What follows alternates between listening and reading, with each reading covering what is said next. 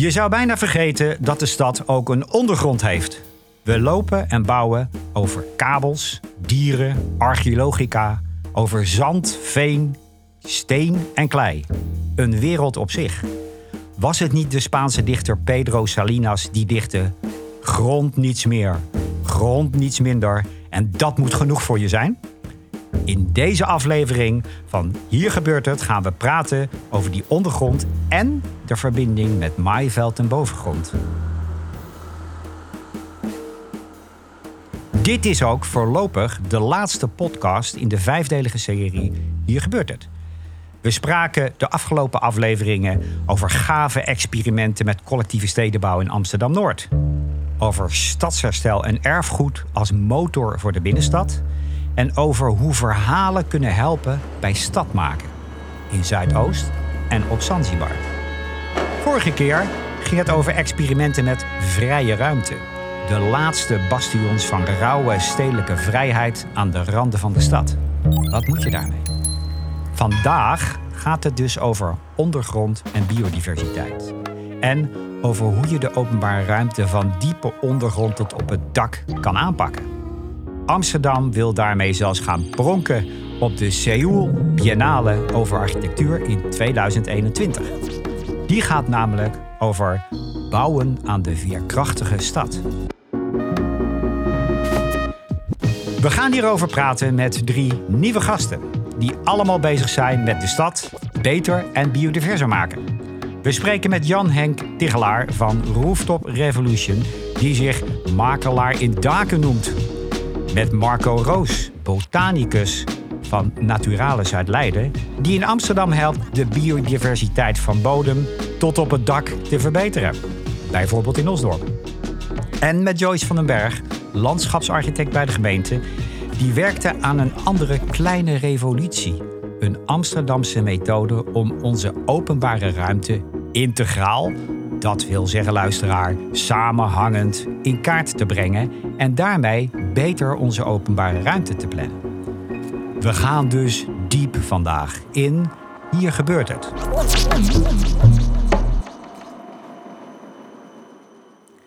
Welkom uh, alle drie. Uh, allereerst toch eventjes uh, de vraag aan jullie alle drie. Hebben we nou een probleem met die ruimtelijke veerkracht, zoals het genoemd wordt, en met biodiversiteit in de stad? De resilience, zoals je dat heel duur noemt in het Engels. Ik zie namelijk in die binnenstad slechtvalken. Ik zie steeds meer uh, planten. Ik zie schitterende paddenstoelen, bijenkasten.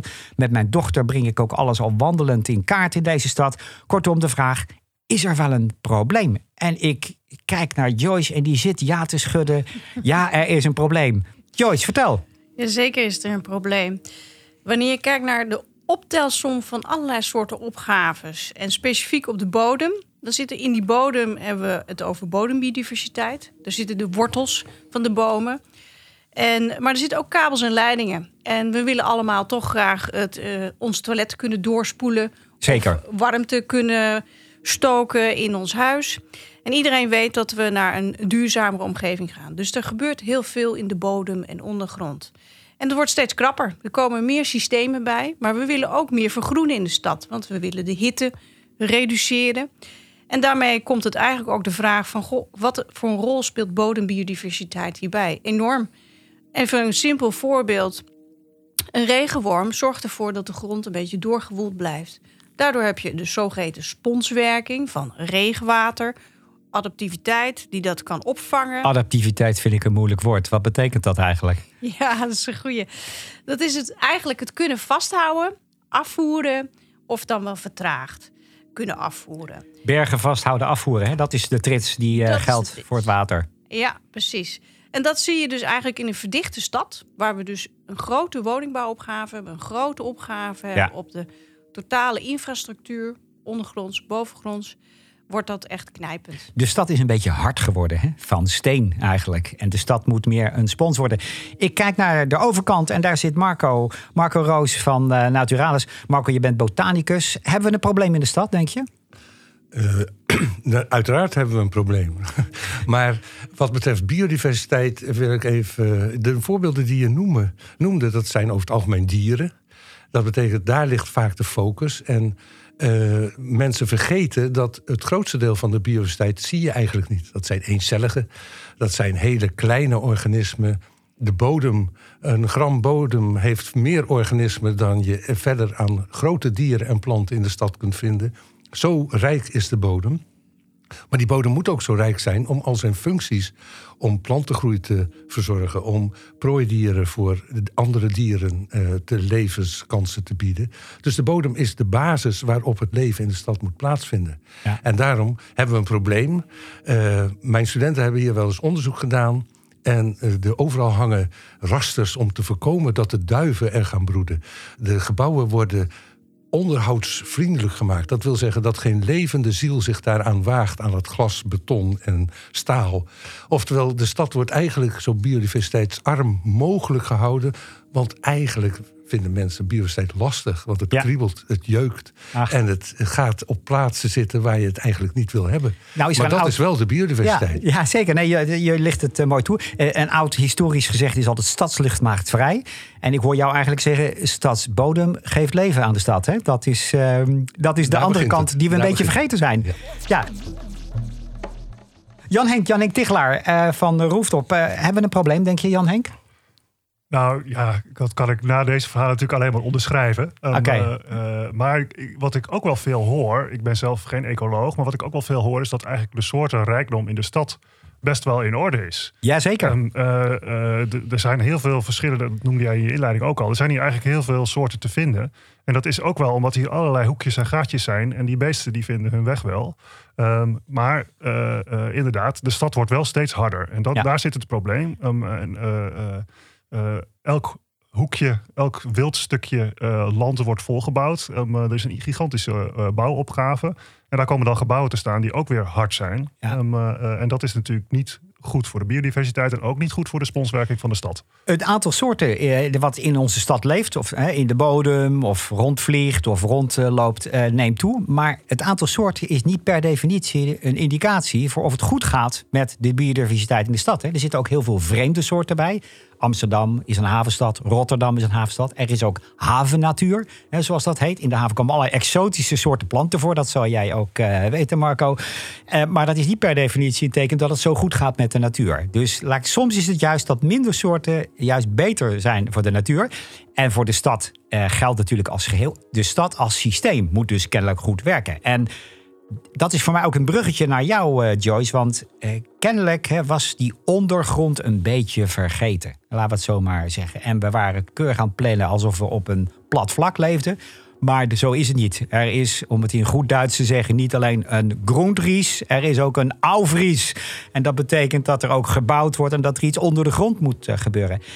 Joyce, jullie zijn bezig met een systeem om dat beter te plannen, een methode. En methode is best ingewikkeld en duur, maar toch.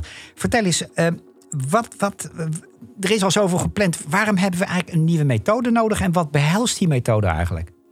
Ja, dat is een goede vraag wat je ziet in de openbare ruimte, dus de straten, de pleinen van Amsterdam, uh, dat we vooral goed kijken naar het groen, naar hoe is de straat zelf ingericht, met welk materiaal, hoe, hoe rijdt het verkeer daaroverheen, hoe beweegt dat. Maar er zijn extra opgaves bijgekomen. En dat is het verduurzamen. En dat is een soort van containerbegrip. Maar hoe doe je dat nou in een stad? Zoals Amsterdam of Groningen of naar andere grote steden. En als je over verduurzamen spreekt, dan heb je het over klimaat, uh, bestendig maken, over energie, over hoe maak je een stad eigenlijk waterproef, zodat er niet de, de boel iedere dag weer overstroomt. Dat zijn de dingen waar je het over hebt, over het verduurzamen. Hè? Ja, en zeker. Dus er komt meer elektriciteit bij met het verduurzamen van steden. Ja. Uh, we willen van het aardgas af, dus op andere systemen ingaan. Nou, dus je ziet en je wilt ook hergebruik van materiaal toepassen in steden. Dus het, uh, het recyclen, hè? ook een duur woord. Ja, circulair hoor ik daar al. Hè? Dus voor de luisteraar, ja. dat is toch heel erg uh, geënt op een systeem waarbij je alles zoveel mogelijk hergebruikt. Omdat allerlei uh, grondstoffen uitgeput raken. En omdat het ook beter is qua energie om dingen te hergebruiken. Ja. Toch? Daar komt het wel een beetje op neer. Ja, dus het is eigenlijk wat je ziet, zijn heel veel nieuwe opgaves voor steden. Ja. En ook ze, eigenlijk de grootste zijn uh, klimaatverandering. Uh, dus dat wil zeggen concreet droogte. Eh, dus planten gaan dood. En hitte? En hitte. Dus zoeken naar meer schaduwplekken en verdampingsplekken. Dus dat helpt ook groen helpt daarbij. Maar ook de energietransitie.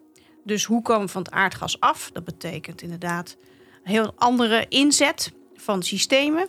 Dat zijn eigenlijk eh, samen met circulair, dus dat grondstoffen-item, zijn we echt eh, met de grootste opgave. En die zijn allemaal nieuw voor Ja. de openbare ruimte. Dus er vindt niet alleen op straat en het bewegen van een fietser, van een voetganger, et cetera, vindt er plaats. Maar er gaat heel veel in de ondergrond plaatsvinden. En daar hadden wij eigenlijk, en eigenlijk alle steden, nog geen zicht op. Sterker nog, volgens mij wisten we niet meer precies wat er allemaal in de grond zat. Nee, klopt. Als je hem open doet, weet je niet wat er zit. Ja, nee, het is net een oud gebouw van wat kom ik nu weer tegen? Ja, En, en wat, je, wat jullie eigenlijk, je conclusie was, als we daarmee doorgaan, dan gaat het mis in de stad. Toch? ja, ja het past fysiek niet meer. Het past. En dan driedimensionaal fysiek. Hè? Dus niet alleen in de ruimte, maar gewoon driedimensionaal past het niet meer. En het is ongezond. Wat Marco ook aangaf. hè. Zekers, zekers. Dus als wij eh, niet gaan ingrijpen, dan eh, zullen wij op sommige plekken met laarzen moeten gaan lopen wanneer het hard gaat regenen. Dat willen we niet. En eh, ook zeer ondraaglijke kwaliteit qua klimaat, dus echt te heet. Het is ook wel heel bijzonder. Hè? Want Nederland is het, misschien wel het meest in kaart gebrachte land ter wereld. We hebben geweldige bodemkaarten. Eh, voor, voor welke luisteraars Tiboka nog wat zegt. Heel Nederland is in, kaart gebracht. En toch hebben we dit gemist. En daarvoor is die methode die jullie nu hebben ontwikkeld voor de openbare ruimte. eh, is een stap vooruit. Hè? Dus driedimensionaal plannen, al die dingen met elkaar in verband brengen. Ehm, hoe, hoe werkt dat dan? Want eh, is de methode klaar? Nee, de methode is zeker niet klaar. Er ligt nu een, een, zeg maar een basis. We hebben een publicatie gemaakt. En we zijn in een aantal delen van de stad zijn we het ook al aan het toepassen. Het betekent ook concreet dat we op zelfs wet en regelgeving, zo, zij- eh, gult zij- zo, zo zal men moeten gaan werken, zelfs ook aanpassingen moeten gaan komen. Oh jee, denk ik dan. Eh, Ja. Oh jee, als burger, als bedrijf. Van, nog komt er dus gewoon ja, een nieuwe methode, goed nieuws, maar ook nieuwe wet en regelgeving. Nee, niet nieuw, aanpassen. Oké, Dus eh, doelstellingen eh, die eh, op Europees niveau zijn geschreven, CO2-reductie, zoveel procent. ja. Maar heel concreet, een telecomwet staat ons in de weg. Dus dat, en we willen wel toch graag telecom houden, maar in de praktijk gaat het niet meer. Dus er zitten conflicten in Ja. en die moeten opgelost worden. En dat doen we samen met de verschillende ministeries. Oké. Hey, en eh, even die methode, want ja, hoe die precies werkt. eh, wat ik zag daarvan, en je kunt ook een filmpje op internet eh, bekijken. Hè, bij, hoe dat werkt, hoe de- al die dingen in kaart gebracht worden. En in een soort driedimensionaal model worden samengebracht. Het ziet er, je denkt eigenlijk van waarom hadden we dat niet al? Maar dat hadden we dus nog niet al. Het ziet er fantastisch uit. Wat betekent dit voor de praktijk? Want je bent als gemeente daarmee aan het plannen. Maar wat betekent dit voor de praktijk? Gaan we ook dingen anders doen en aanpakken? Zeker, we gaan dingen heel anders doen. Zeker eh, binnen de gemeentelijke omgeving en met de eh, zogeheten omgeving. Ja. Dus veel eerder aan het pro- proces van planvorming met uitvoering om tafel. Dat wil zeggen met de nutspartijen. Maar ook eh, zeg maar kijken van wat is er nou echt nodig. En keuzes maken. We kunnen niet meer blijven stapelen van zogeheten alle ambities. We moeten echt keuzes maken. En die kunnen we met deze methode expliciet maken aan de voorkant. En daarop sturen aan de achterkant. En weten we wat voor resultaten we hebben kunnen behalen. En dat doen we natuurlijk ook gezamenlijk met bewoners, gebruikers. Ja, dus de keuzes maken en ook slimmer handelen. Dus met, door deze methode te benutten. Het maakt je ook bewust eigenlijk hè, van, de, van de ruimte en wat er allemaal in zit. Marco, eh, jij zit eh, tegenover mij en je bent de botanicus. Maar denk jij dat zo'n methode het gouden sleuteltje is om de dingen die jij ook benoemde, hè, al die, eh, om, dat, om dat beter in kaart te brengen en daar beter op je stad te ontwikkelen eh, samen met de burgers? Uiteraard is dat een hele belangrijke stap om in ieder geval alles in kaart te brengen wat erbij speelt. Tot nu toe is het vaak zo dat biodiversiteit de sluitpost is. Men gaat eerst ontwerpen, gaat eerst bouwen en dan moet er nog eh, groen aangelegd worden. En daar zit de grote fout. Juist dat integrale, die integrale aanpak betekent dat je van tevoren al gaat nadenken waar zitten de biodiversiteitsrijke plekken, wat is de natuurlijke bodem waar kunnen we op, uit, uh, op aangrijpen? Ja, hey, en, en voor de gewone burger zeg ik eventjes, hè, en de luisteraar, want je zegt van die, waar kunnen we op aangrijpen? We hebben een methode aan de voorkant. Betekent dit ook dat dit ook een nieuwe bron is van allerlei mogelijke burgerinitiatieven om in de stad iets te gaan doen? En wat stel je daar concreet bij voor? Nou, elke burger kan natuurlijk gewoon uh, stoppen met schoffelen. En gewoon de spontane plantengroei zijn kans bieden. Ja, en de tegels eruit natuurlijk. Hè? Tegels eruit. Eh, zorgen dat je zoveel mogelijk open grond creëert die begroeid kan raken. En dan sluit je ook aan bij de lokale situatie. Want we kunnen wel zeggen dat de biodiversiteit van de stad er hoog is. Dat is ook, want we zitten natuurlijk in een landbouwwoestijn. Dus dan is alles al gauw beter. Maar alle steden gaan ook op elkaar lijken wat biodiversiteit betreft. Wat bedoel je met een landbouwwoestijn?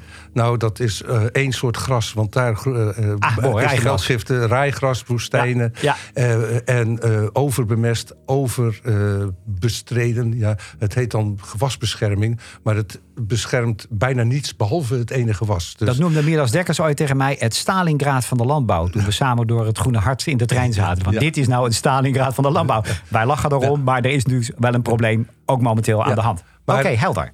Uh, misschien nog even één punt afmakend. Je zou eh, juist door uit te gaan van de situatie zoals die er is, kun je ook een identiteit geven aan je stad. Namelijk door de lokale situatie, de lokale biodiversiteit te bevorderen. Ja. En niet overal hetzelfde uh, bouwzand, dezelfde gesteriliseerde boomaarde te gebruiken. En op die manier eigenlijk steden uniformer te maken dan noodzakelijk nou, denkt die luisteraar een identiteit geven? Kom op zeg, dat komt allemaal van bovenaf. Kan ik dat niet gewoon zelf doen? Kan ik niet zelf iets met mijn buren ontwikkelen... en daar een eigen identiteit van maken? Bedoel je dat ook? Of, uh... onder andere, want als zij uitgaan van de bodem die ze in hun eigen tuin hebben... Ja. dan sluit dat naadloos op elkaar aan. Ja, nou woon ik in de Rozenstraat. Hè? En hoe weet ik nou hoe ik moet uitgaan van die bodem en welke bodem. Is dat de methode die Joyce hier net... Uh, hoe, kom ik daar eigenlijk achter? Nou, de, datgene wat er van nature groeit, zal vanzelf boven komen drijven. En in de Roosstraat moet je natuurlijk een roos planten, dat is duidelijk. Kijk, dat is het. You've got a point. Oké, uh, Jan Henk, ook, voor jou eventjes, want uh, die methode, jij hebt er ook kennis van genomen. Ehm, jij bent iemand van daken, daar komen we zo even op, op jouw projecten. Maar vind jij dit ook echt iets wat ontbrak aan het repertoire aan instrumenten wat we hebben in, in, in Nederland en in de stad? Nou ja, um, ja want je moet beginnen bij de bodem. Dat is natuurlijk duidelijk. dat is de, de, de, de basis waarop we leven en waarop het leven ja, zijn plek vindt. Uh, en ook, ook de mensen plek vindt. Ja. En uh, als dat niet goed in orde is, uh, dan heb je een probleem. Ja. Um, dus, dat, Ik ja. zie nou ineens die pizzabakker voor me. Die zei, wat is het belangrijkste van de pizza? De bodem. He, dus dat begon ook altijd met de bodem. En dat geldt dus eigenlijk wat jij zegt. we moeten als pizzabakkers denken, die bodem, dat is het uitgangspunt.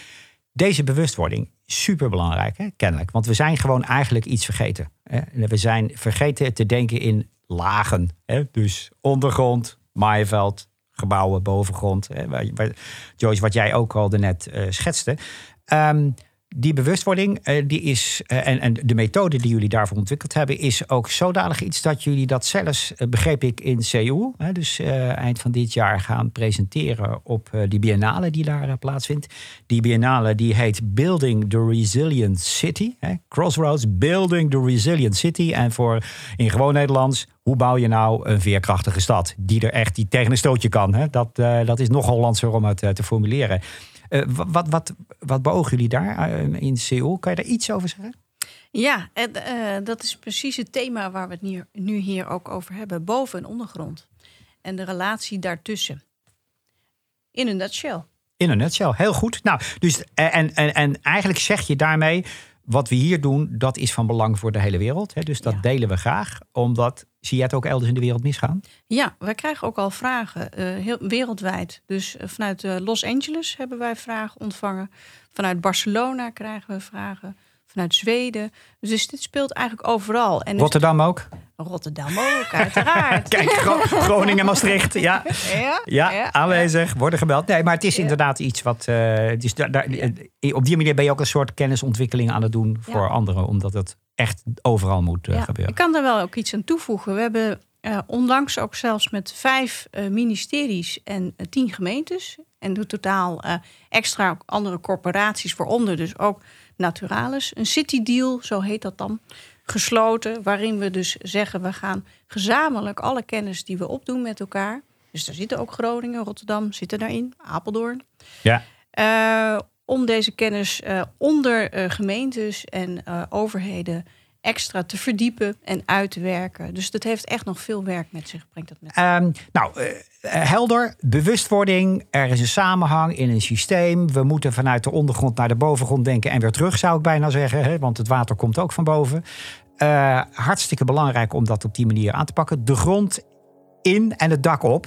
Uh, Marco, ik zie jou je vinger zelfs opsteken. Dus nou, dat, uh... ik, ik wou er nog even aan toevoegen. Je had het net over de drie dimensies. Maar ik wilde graag de vierde dimensie van de tijd eraan toevoegen. Zeker, ja. Want bodems moeten zich ontwikkelen. Uh, een stad moet zich ontwikkelen. Dus als we het zien als ontwerpen, als een, het ontwerp van een beeld, wat een beeld moet blijven, dan zijn we niet duurzaam bezig. Nee. Als we een stad ontwerpen, moeten we rekening mee houden dat ecologische processen, tijdsprocessen de ruimte krijgen en worden ingebouwd in het hele denken Ja. over wat je tot stand wil brengen. Ik zeg ook altijd, dat bij de bodem geldt dat eh, met name. Zeker, er is een verschil tussen duurzaamheid en duurzame ontwikkeling, zeg ik ook wel eens tegen mensen. Want dat is. eh, maar goed, eh, de gewone burger in zijn straatje met zijn tuintje, die moet ook iets kunnen doen. En dat, eh, dat is ook onderdeel van een langdurig proces om dat in de hoofden bij iedereen ook op de goede plek te krijgen. Mooie, eh, ik gaf het al aan, we gaan de grond in en het dak op. Eh, concrete projecten. Hè. Wat, wat speelt er nou in de stad? En we hebben nu even Amsterdam als voorbeeld hier. Ehm, Marco, kan jij een voorbeeld noemen waarbij je ziet dat dit, deze aanpak geconcretiseerd wordt en wat lukt en wat lukt eigenlijk nog niet of nauwelijks? Nou, ik ben zelf betrokken bij eh, het nadenken over de inrichting van het eh, businesspark Amsterdam-Osdorp. En wat daar speelt is. Waar dat, ligt dat ongeveer in de dat stad? eh, is in, helemaal in het westen. Helemaal in het westen, ja. ja. Osdorp, hè? Dus Ja. eh, Olympische Spelendorp, voor, voor Oh. zover ze dat niet weten. ja, zo was het ooit bedoeld. Maar eh, daar eh, probeert men in de planvorming de lokale bodem te hergebruiken bij de inrichting. Zodat men de, de rijke akkerbodem en de daaronder liggende kleibodem opnieuw gebruikt. En juist wil voorkomen dat er de uniforme bouwzand en, en de voorgeschreven boomgrond wordt toegepast. Want juist door dat soort voorschriften krijg je dat het allemaal uniform op dezelfde manier ingericht wordt. Terwijl je nu kan aangrijpen op de kwaliteiten die daar zijn. Namelijk een hele goede grond, die ook eh, stevig genoeg kan zijn voor de bebouwing. Maar ook waar, de loka waar zeg maar, eh, gebiedseigen, zoals ik dat graag noem, gebiedseigen eh, flora en fauna zich kan ontwikkelen. Ja, en, en, en even, eh, stel we gaan daar nou naartoe, we lopen daar rond. En welke gebiedseigen beestjes, plantjes kunnen we daar dan tegenkomen als jouw droom eh, werkelijkheid wordt, Marco? Nou, er zijn bijvoorbeeld eh, meer dan 30 inheemse houtige gewassen die daar uitstekende plek kunnen vinden. Houtige gewassen. Houtige gewassen. Schitterende term. maar- Bomen en struiken en, en klimmers, en lianen. Ja, ja, noem eens een soort, eh, Marco, die we allemaal kennen. Nou, eh, oh, die je allemaal. Ik wou juist er eentje zo de wegendoren, die veel mensen niet kennen en ook bij de groendiensten van de stad vaak vergeten worden. Ja. Maar dat is juist een, een prachtige struik die heel veel eh, betekent voor de rupsen van veel inlands inheemse vlindersoorten. Maar ook bessen levert voor eh, de vogels in het najaar. Ja. En nectar voor de bestuivende insecten in het voorjaar. Ja. Zo'n vergeten soort die daar uitstekend tot zijn recht kan komen. Oh, wat mooi. Ja, vergeten soorten. Eh, eh, door de rijkdom van de bodem zeg je eigenlijk, geef je ook vergeten soorten of iets wat we per ongeluk niet in, het, in beeld hebben, krijgen weer een kans. Een tweede kans misschien wel. En als je dat businesspark nou voor ogen hebt en je loopt daar als burger doorheen, betekent dat dat eigenlijk een soort, dus behalve dat het biodivers wordt, dat het ook een prettiger plek wordt waar je gelukkiger van wordt als je daar rondloopt? Nou, de plannen die, eh, doordat ze zowel droge als eh, waterige eh, omstandigheden in zich hebben. en ook wat relief aanbrengen, wat er van nature ook zou zijn. wordt het al veel heterogener, verschi- verschijnener. dan de meeste op een wit papier ontworpen industrieterreinen. die volgens eh, standaardnormen met een hegje en een haagje en een struikje. Schaamgroen heet dat, hè? Ja, Ja. Gewoon dode akkers met schaamgroen. En Dus, dan zeg maar, eh, eh, een doos Het ertussen. steriele groen, Ja, zeg maar. ja, ja, nee, dat is. En wat jij eigenlijk zegt is: als je het zo doet en die, die biodiversiteit hebt, dan gaan die verschillende zaken die we nodig hebben, de sponswerking gaat werken, dan komt biodiversiteit, de bovenkant gaat functioneren, de bloempjes en de bijtjes gaan functioneren. Daarmee komen de. En je gaat steeds hoger. Eh, dan staan er ook gebouwen met daken. Ja. En dat is voor mij een bruggetje naar iemand die hier ook aan tafel zit. Eh, Jannik, jij bent met die daken bezig. Vertel even, wat is jouw initiatief eigenlijk? Ja, eh, Stichting Rooftop Revolution. Eh, we staan vijf jaar inmiddels. En ons doel is om eigenlijk het grootste braakliggende terrein van de stad, namelijk de daken, om te vormen tot natuurgebieden. Eh, het- daarmee zijn we vijf jaar geleden gestart. En, eh, eh, We zijn niet alleen de bodem vergeten, maar ook de daken. we zijn de daken een beetje vergeten. Ja. ja, klopt. Bijna, dat is wel grappig. Mensen denken meestal niet aan hun dak tenzij het lekt. En eigenlijk is dus onze doelstelling om mensen ook aan hun dak te laten denken als het niet lekt. En eigenlijk zelfs over hun dak te laten dromen. Um, van hé, hey, dat is eigenlijk een stukje nog niet benutte ruimte waar we iets moois mee kunnen doen. Oké.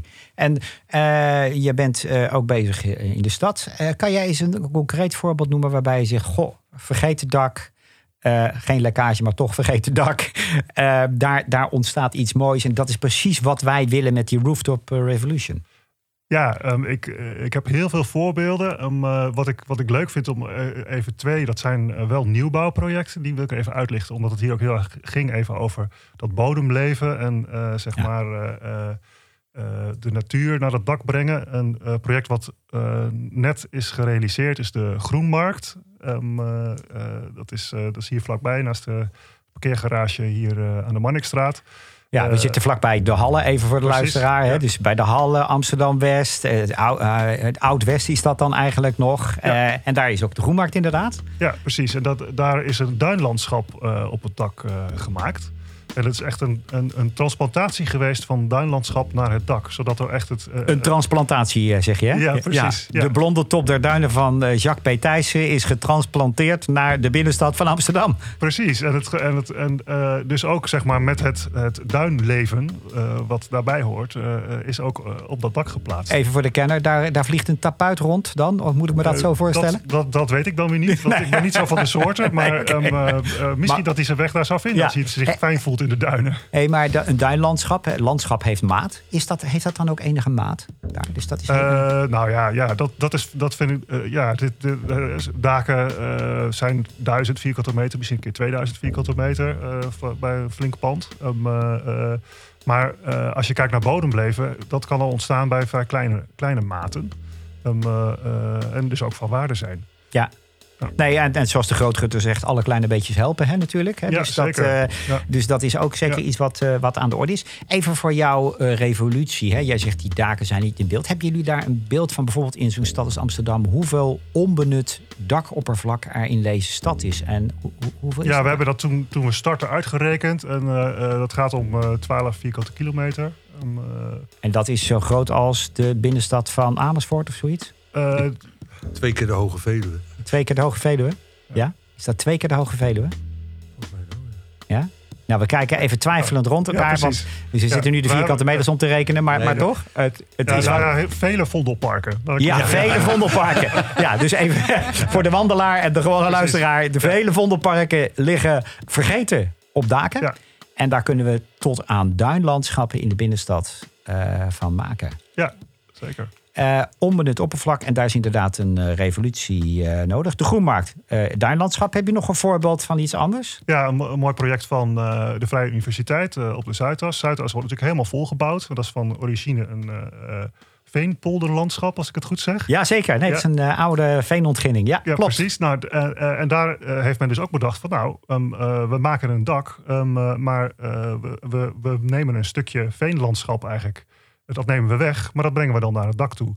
Eh, en dat is eigenlijk ook de filosofie van eh, Le Corbusier, ehm, bekend bij eh, architecten. Die heeft Ja, is met die bril, dames en heren. Ja. Precies, die met die bril. Die heeft, heeft dat ook al wel eens gezegd. Kijk, eigenlijk zou je zeg maar de, de, de plek die een gebouw inneemt, die, die kun je ook qua natuur, die, moet je, die, die, die natuur moet je ook weer een plek geven. En het dak is daar natuurlijk uitermate geschikt voor. Ja. Nee, dat, dat, is, dat gebeurt veel te weinig en dat gaat wel veel meer gebeuren, zeker bij de nieuwbouw. Ehm, er is nu een nieuwe hemelwaterverordening ook in Amsterdam, die ervoor gaat zorgen dat, uh, dat er heel veel waterberging plaats moet vinden uh, Ja. op de kavel, 60 millimeter. En nou, we willen die kavels natuurlijk wel graag vol bouwen. Ehm, eh, eh, eh, we willen veel vierkante meters toevoegen. Ja. Dus wat blijft er dan over qua ruimte? Dat is natuurlijk het dak. Dus daar moet je dan iets met die waterberging doen. Ja. En, eh, eh, en eigenlijk dus ook met de natuur om die sponswerking. Nou, dat is mooi natuurlijk. Ja, precies. Maar de vraag is natuurlijk even van... eh, is dit, eh, zijn dit postzegelprojectjes en gaat dit eh, gewoon niet helpen? Of is dit inderdaad een revolutie? Is het een kleine of een grote revolutie? Joyce, gaat dit helpen? Ja, zeker gaat dit helpen. En zeker ook in de relatie tot regenwater en biodiversiteit. Dus wanneer je ziet de stad, hoe we hem gaan verbouwen en verbouwen, dat bedoel ik toevoegen en ophogen, et cetera. Verdichten, hè? Verdichten, de grote woningbouwopgave. Stel, we zien die als een berglandschap. En dat berglandschap, eh, en je bent een, een muis of je bent een vlinder. Hoe ga je die beklimmen? Hoe ga je die, je weg daarin vinden? Dan ineens wordt het landschap heel anders, wordt de stad heel interessant.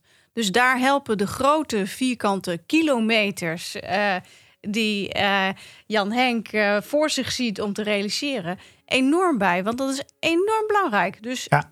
Dat, eh, dus Nou ja, dus de slechtvalk is ook terug in de stad. Hè? Dus die Ja. ziet de stad ook als een rots. Eh, Die, Ja. eh, die, mensen die hinderlijk in de weg lopen. Maar verder is dat gewoon een rots. Ja. De rotskruiper was bij de VU trouwens ooit achter, het lamp, achter het de li- verlichting Vrije Universiteit te zien. Dat, zijn, dat is overigens voor de luisteraar een zeldzame vogel die plotseling in Nederland verscheen op een gebouw. Dat hij dacht dat hij in een rotslandschap zat. De Zuidas. Interessant natuurlijk. Dus je, je- jij ziet echt die kansen. Marco, ook, ook voor jou, hè, die bodem. Is het nou een postzegel en gaat het niet helpen? Is dit een kleine revolutie of gaat dit echt helpen? Ik moet mezelf even corrigeren. Eh 12 vierkante kilometer is ongeveer een derde Hoge Veluwe. Een derde Hoge Veluwe. Maar nog steeds Dan kan je aardig stukje in wandelen, Een nog steeds. oppervlak. ja, zeker. Ehm, wat betreft eh, of de postzegels zijn. Het probleem is, als het één postzegel is in een oceaan, dan stelt het niks voor. Maar als het een, een grote hoeveelheid postzegels vlak bij een elkaar is, dan begint het wat voor te stellen. Omdat, En zeker als je ook zorgt dat ze met elkaar in contact, in de zin van verbonden met elkaar zijn. En voor die verbinding is voor een pissebed anders als voor een vogel. Maar op alle schalen moeten we zorgen dat die postzegels op een of andere manier bereikt kunnen worden door de organismen, de bodemvormende organismen, maar ook de andere organismen, zoals vogels. Ja. En als we daarvoor zorgen, dan wordt het opeens een hele eh, substantiële bijdrage aan de totale biodiversiteit, maar ook het totale landschap van de stad. Ja. En even over die slechtvalk. De slechtvalk kwam vroeger in Nederland voor. Toen waren het de boombewoners. Die nestelden in bomen. Die zijn uitgestorven. En daarna zijn de rotsbewonende slechtvalken hebben de stad terug ontdekt. Ja, hè, gelukkig dat je dat even corrigeert. Want eh, de, de, de luisteraar was al in vertwijfeling. Hoe zit dat nou eigenlijk? Maar dat is nu ook eh, uit de wereld geholpen. Ehm, eh, en toch even weer terug. Hè, want, Ja, je wou een verhaal. We kijken, we, kijken, we kijken, ja, het is een, het is een verhaal. We kijken naar de stad. Hè, dus, dus eigenlijk zeggen we met elkaar ook... en dat geldt voor, voor jullie als specialisten, deskundigen... maar ook voor de burger en voor al die bedrijven... dat we ook anders naar die stad moeten gaan kijken. De stad, zeg ik even, als landschap... En, en dat niet alleen dat dat verplichtingen geeft, maar dat het ook kansen biedt voor de toekomst om die stad prettiger, dus niet alleen biodiverser als doel op zich te maken, maar prettiger als leefomgeving en thema van deze tijd, gezonder. Dat vind ik ook nog een issue dat, we nog, dat ik nog niet gehoord heb. Hoe kan deze kleine revolutie van Jan Henk, de, eh, de, doorn van ehm, eh, Marco en jouw methode ook helpen om die stad gezonder te maken? En, wat kan een gewone luisteraar die denkt: wat kan ik in mijn straat doen hier aan bijdragen? Joyce. Een, een heel simpel voorbeeld is wanneer er een, een voortuin is of een achtertuin is, plant daar bomen, struiken of laat iets spontaan inderdaad opkomen, zoals eh, Marco dat al deelde. En dat zorgt ook weer voor eh, verdamping, schaduw eh, in de straten. Dus we hebben de, de straten met natuurlijk de bomen die we planten als stad. Maar in je tuin kan je ontzettend veel doen. En je Maar- kan ook je bladeren laten liggen. Dat is een heel simpel voorbeeld. En mag dat van de gemeente dan? Dat je, dat je zomaar aan de voorkant een struik, een plant of wat dan ook in de tuin of op, het, op de openbare ruimte mag planten. Is dat, is daar ook, wordt daar ook al over nagedacht om dat een beetje wat meer los te laten in, qua regelgeving? Zekers. Eh, je kan natuurlijk een initiatief eh, aanmelden. eh, voor in de openbare ruimte. Dus daar gaat even een gesprek over plaatsvinden. Maar dat is altijd welkom. Dus doe dat ook als buurtbewoner. En in je eigen tuin, uiteraard. Daar ga jij over. Dus ontegelen en laat het groen komen. En eh, laat de bladeren eh, liggen. Dus eh, wees daar ook lekker lui in. Ja, zeker. En, en geen, geen plastic gras dan, hè, geloof ik. erin. Nee, geen plastic gas. Nee, nee dat, eh, dat vermoedde ik al. Marco, gewone luisteraars, burgers die denken van... Ik, wil eigenlijk, ik vind het eigenlijk fantastisch wat ik hier hoor. Ik kan dus kennelijk niet met mijn ingreep niet alleen zomaar mijn eigen tuintje... maar ook de ondergrond en de bovengrond helpen. Wat, zie jij, wat zou jij eigenlijk de, de, de, de luisteraar mee willen geven van doe dit of doe dat? Wees een luie tuinier. Eh, zie het gras groeien en de andere planten, maar eh, eh, probeer het zo min mogelijk te manipuleren. Laat het leven zijn weg vinden. En natuurlijk, je zult het een beetje binnen de perken moeten houden, maar hoe diverser, hoe stabieler, zou ik willen zeggen. En zorg, kijk ernaar. Ja. Beleef het en waardeer het op die manier. Oké. Jan Henk, want jij zit natuurlijk op het dak. Hè? En wat jou betreft mag het dak eraf, eh, om het maar even zo te zeggen, als het gaat om die revolutie. Hè? Het moet echt eh, gebeuren. Jullie zijn bezig hè? Als, als, eh, als organisatie. Met wie doen jullie dit? Doen jullie dit ook, soort, dit soort initiatieven ook met eh, burgers en Ja, anderen? juist. Ja, ja kijk, eh, we hebben het net eh, best wel veel ook over nieuwbouw gehad en regelgeving daarvoor. Maar het grootste gedeelte van de stad is er al. Juist. En daar moeten we ook wat mee. En ook die moet klimaatbestendig worden en biodiverser en gezonder. Um, eh, eh, want steeds minder groen is, is ook voor de geestelijke gezondheid van de stadsbewoner Ja. niet gunstig. Eh eentonigheid in je buurt is, eh, is, is, is niet goed voor je. Ja.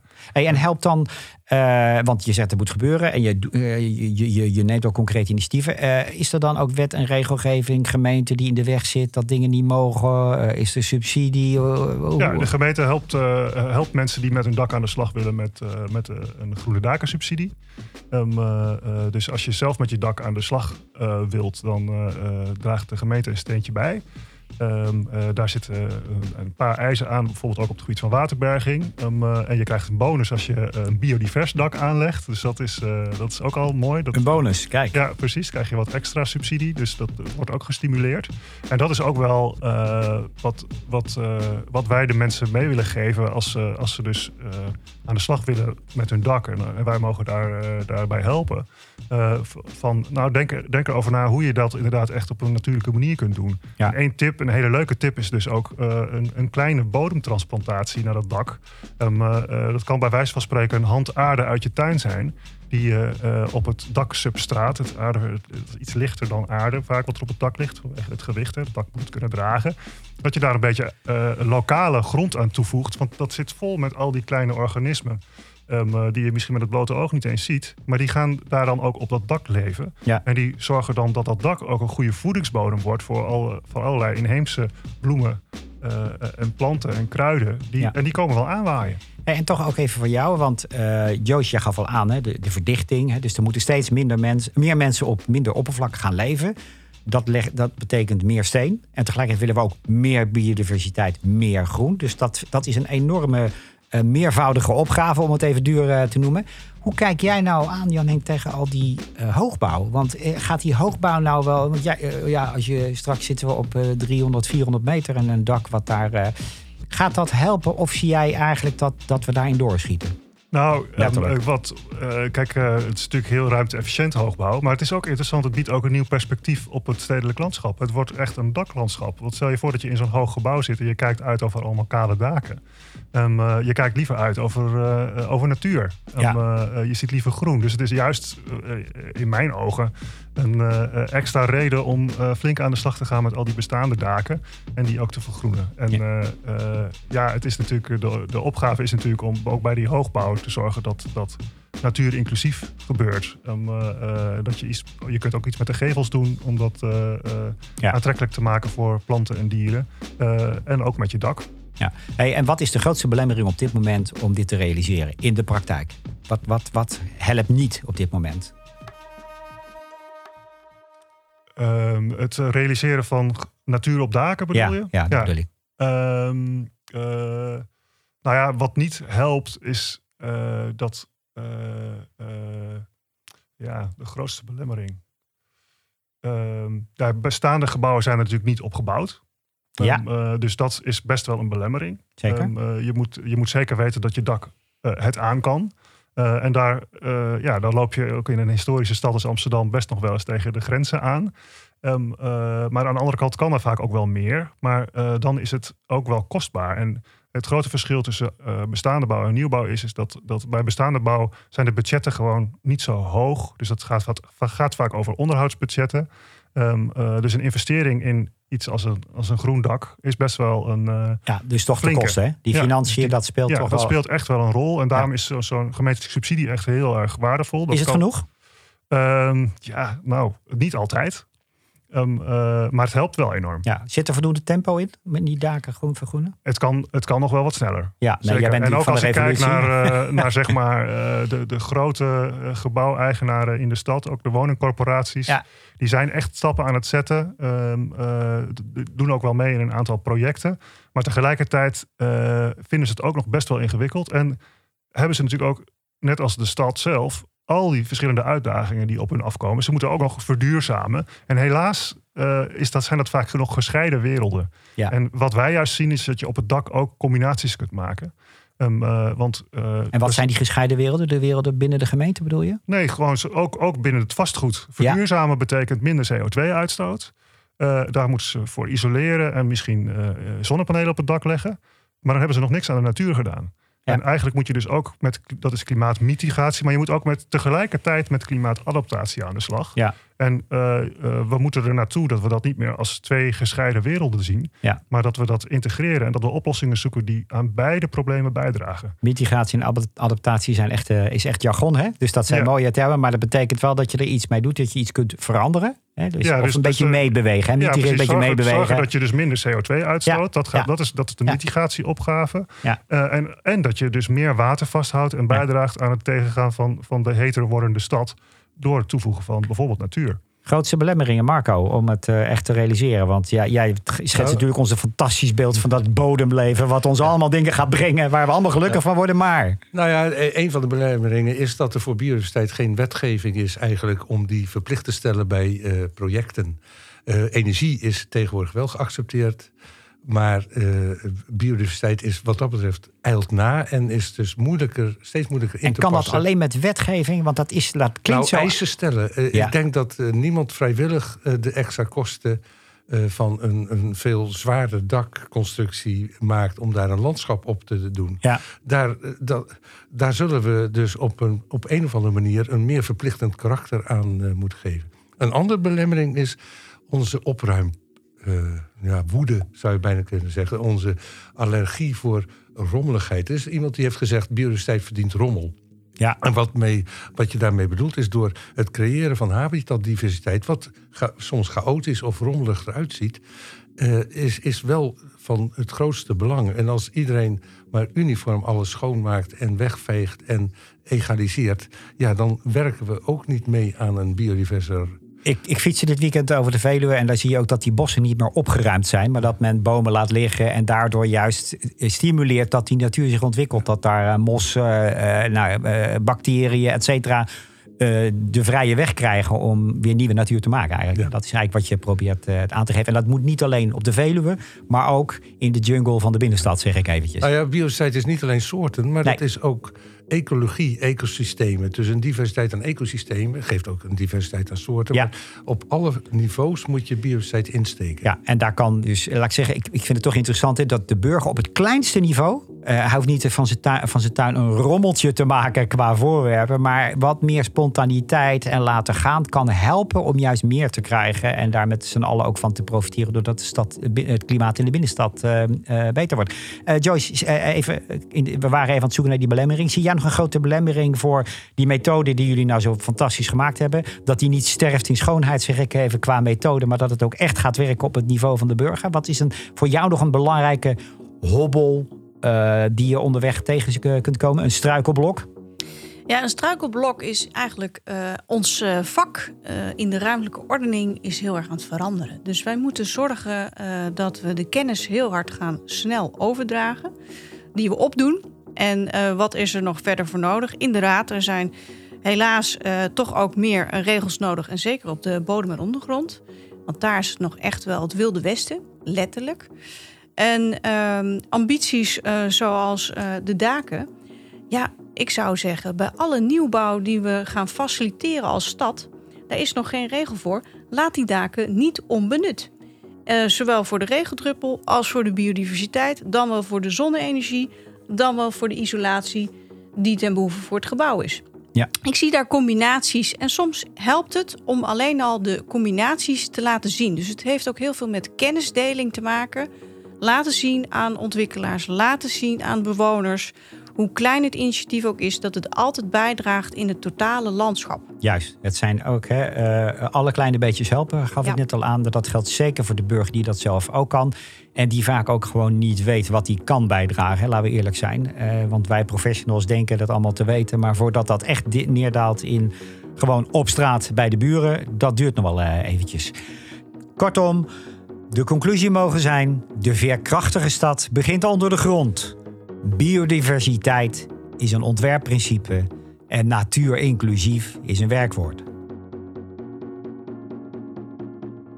Dit was alweer de laatste aflevering uit de reeks Hier gebeurt het. We hebben deze vijf met veel plezier en inspiratie gemaakt.